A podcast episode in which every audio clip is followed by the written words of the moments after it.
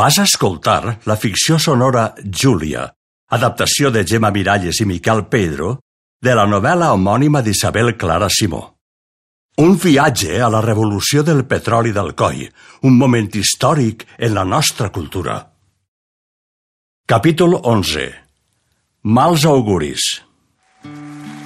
Aquell bes intens que li va fer un desconegut havia fet descobrir a Júlia la força del sexe. Però, a més, va entendre la melangia de Josep, que no la satisfeia com calia. Quan el va mirar, es va donar de debò com era de vell i de lleig i de trist el seu Josep. A l'hotel, Júlia estava pensida. Josep la va trobar en roba interior, asseguda en una cadira, amb els colzes repenjats en els genolls. Mirant a terra, amb una cara que no era la de Júlia, sinó la d'una dona estranya que tenia pensaments al cap. No estàs vestida? No tinc ganes de sopar. Alguna cosa hauràs de menjar.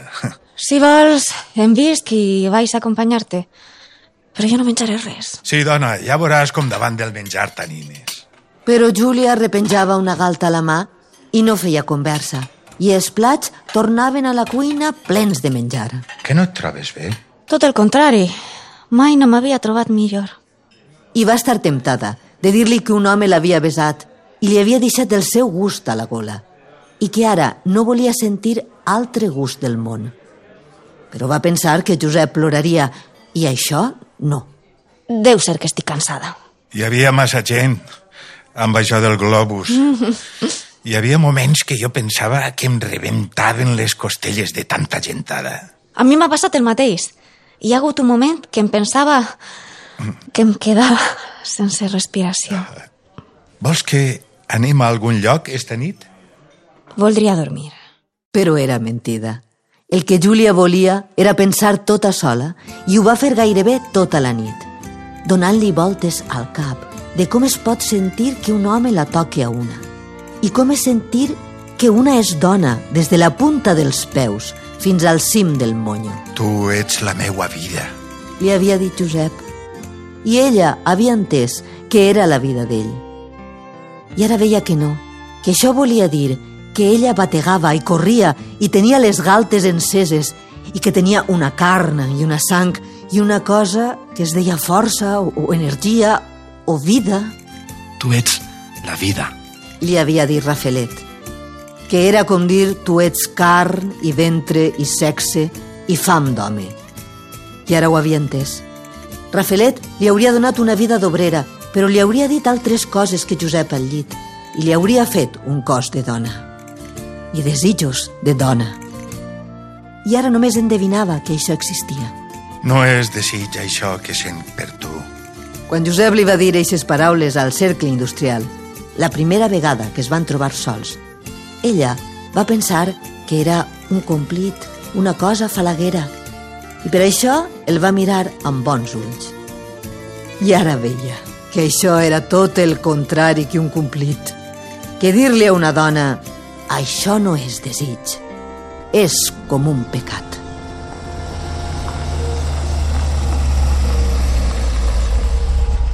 Benvinguts. Com ha anat el viatge? Quan van tornar al coll, Júlia estava tota canviada. S'havia engreixat i els malucs feien una rodonesa de dona, no de joveneta. En canvi, Josep havia envellit. Es va fer ulleres i pentinava horitzontals els pocs cabells que li quedaven. El pap el tenia més inflat i el ventre més gros. Però el que el feia més vell era una mirada de nen que s'ha perdut. Ara s'endormiscava a la butaca havent dinat o havent sopat. Mm, Vaig a agitar-me. Jo t'acompanyo. I Júlia, mig en braços, el portava al llit. Ell sospirava i mirava Júlia despullar-se amb els ulls mig clucs. Quina xica més preciosa. Quan Júlia es posava al llit, amb la seva camisa de dormir plena de randes, Josep li agafava la mà i ella aguantava la respiració. Després li passava la mà ben suau per tot el ventre i Júlia contreia els músculs. Josep pensava que li feia fàstic i Júlia pensava que ara, ara sabré que és això que senten les dones quan un home es fa fera i es posa damunt. Júlia va tornar més vegades a la fàbrica i sempre va aconseguir que la miraren com una senyora. Mireu-la, és tota una dama. Els fills de Josep, però, eren una altra cosa. Ni el menut aprenia comptabilitat, ni el gran seguia de veritat els cursos de l'escola industrial. Un dia d'aquell estiu, que feia una calor que es fonien les pedres, Josepet va tocar a la porta del despatx del pare, que feia la migdiada. Avant! Pare, estic fart. No aguante més esta vida. Tinc a Júlia parada al paladar com un menjar pesat que s'ha d'engolir. I l'escola industrial em fa el mateix efecte que Júlia.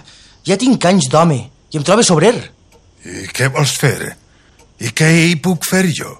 Vull anar a Amèrica, al Brasil, on tot el món troba fortuna i on hi ha ocasió per a tots. Tinc uns amics que s'han establert allà i m'han escrit proposant-me que marxi amb ells, que em donaran acolliment. Però necessitaràs faena. M'han dit que hi ha un fotimer de faena entre plantacions i bestiar i que la vida és tan diferent de totes les coses que no ens ho podem imaginar.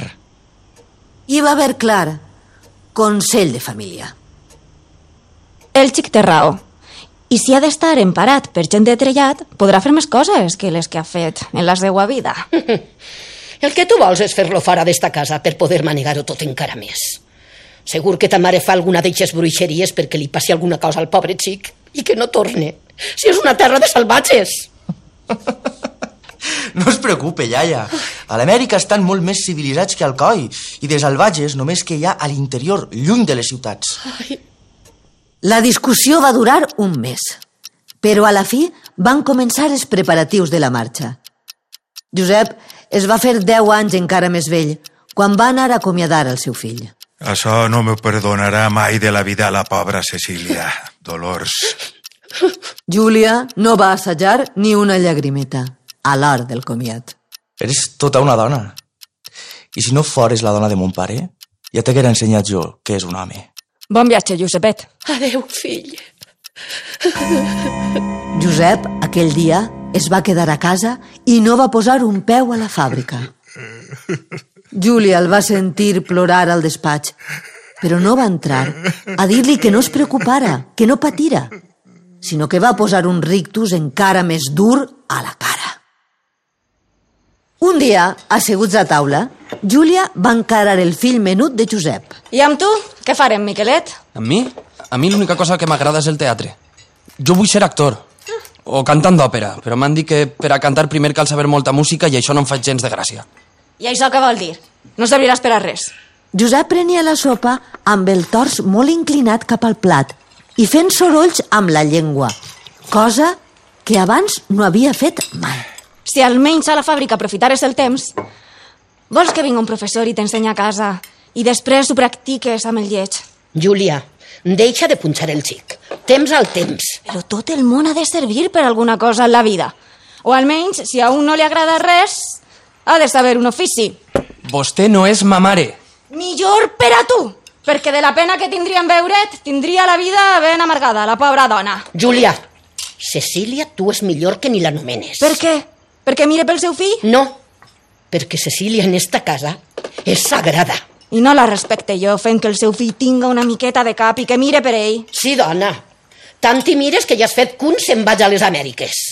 Que jo l'he fet anar a les Amèriques? Josep, tu sents això? Però no, Josep no ho havia sentit i continuava xuclant la sopa cada vegada més tombat cap al plat. Ai, sí? Que vostè vol que passe així els anys. Em pensé que és vostè que tindria els retrets de Cecília si ho poguera veure. Abans d'entrar tu en esta casa, els xics pujaven molt bé. Això és fals. I a més no m'insulta a mi, sinó a Josep, que és com dir que ha fet mal als seus fills per haver-se casat amb mi. No ho vull ni pensar si arribes a tindre fills propis. Ni les engrunes no rascarien els pobres xics. Mire, com que dona la casualitat que l'última paraula la tinc jo, mentre el meu marit em dona el dret a portar esta casa, escolte bé el que li dic. O es fa capellà o aprèn un ofici. I què passarà si no vull fer cap de les dues coses, eh? Em portarà sa mare que em fas un mal d'ull? O et tiraré de casa. Mon pare no consentiria. A ton pare deixa'l estar, que prou disgust porta damunt de veure't a tu fet un inútil. I el teu germà, que se n'ha hagut d'anar perquè no tenia ganes de continuar mirant-se a l'espill cada dia. Parleu com si no estiguera jo davant. Tu, Miquel, has d'escoltar més Júlia, que t'està donant bons consells. I vostè, mare, ha d'aprendre d'una maleïda volta que la mestressa és ella i no fer-li més la guerra, perquè és vostè qui té la partida perduda. I tu, Júlia, mira demanar sense escanyar, perquè amb un gest d'afecte en trauràs més que amb mil amenaces. Tots van callar i ningú va gosar discutir amb ell. I ja no es va dir ni una sola paraula. Quan va acabar el sopar, Josep es va alçar de taula. Me'n vaig a descansar. Ai, collons, collonets. Ai, collons, collonets, collonassos.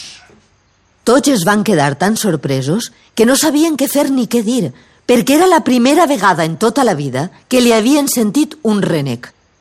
Aleshores la senyora Dolors es va posar a plorar i va agafar el braç a Júlia, que no entenia el motiu de les llàgrimes.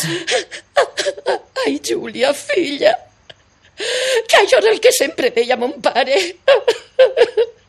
Que Josep li ha eixit sense pensar. Per Que ha entrat en la senilitat abans d'ara i està tornant a viure la seva infància. Per això ara li ixen les paraules que més tenia clavades de quan era infant. Júlia, aquella nit, va passar molta por, pensant si a Josep li venia alguna malura. I el mirava dormir amb els ulls oberts i la respiració fatigosa, que era una cosa molt lleja de veure. El mirava a la llum d'un cresol que des d'aquell dia va deixar encès cada nit.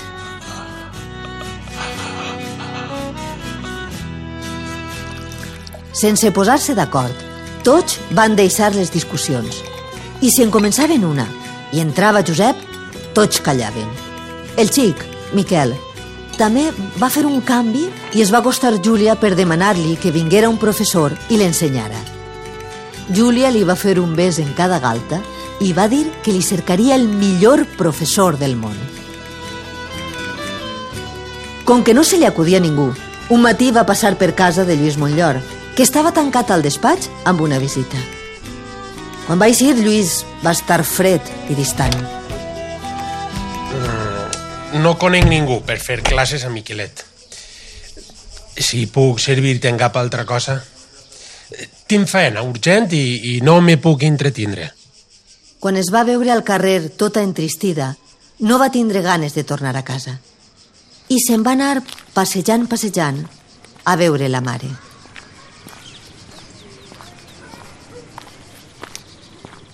Eh? Tu què has vingut a fer? T'avorrixes a casa? Estava un poc tristota i he vingut per veure si vostè m'animava. Busca't un pallasso, que jo no sóc una distracció. No siga així, mare. Que no està bé. Que no li agrada viure sense treballar i ben sola, que és el seu desig de sempre. I la vella es va amansir. Es va posar a parlar i Júlia es mirava aquella casa com si no la coneguera i es meravellava d'haver-hi viscut tota la vida fins feia tan pocs anys. Com havien canviat les coses. Júlia, he de dir-te una cosa terrible. Però te ho has de prendre seriosament, eh? Perquè és una cosa de debò. Diga vostè. El dissabte, que feia lluna, he fet la ouija. He posat unes espelmes especials i m'he comunicat amb una força que no vaig saber de qui era. Però era una força molt gran. I m'ha dit que a ta casa venen un seguit de desgràcies, l'una darrere de l'altra, com un rosari. Tu estàs fora de perill. Però les persones que t'envolten estan totes en desgràcia. I no vaig poder esbrinar si això m'afectarà a mi també. Per això t'he rebut amb el morro tort. Perquè he trobat de molta mala sort que després de tants mesos t'hagis presentat precisament avui.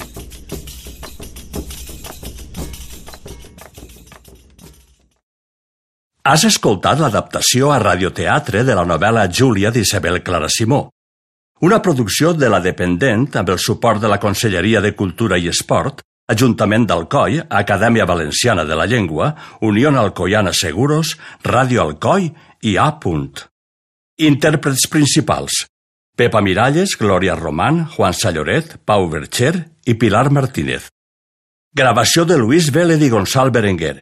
Editat per Adrià Sempere i Luis Vélez amb música de Cofre Antic i Rafael Arnal. Capítol més. Gràcies al recolzament de la Càtedra Antoni Miró d'Art Contemporani de la Universitat d'Alacant, Edicions Bromera, Centre Cultural Ovidi Montllor i Club d'Amigues i Amics de la UNESCO Alcoi.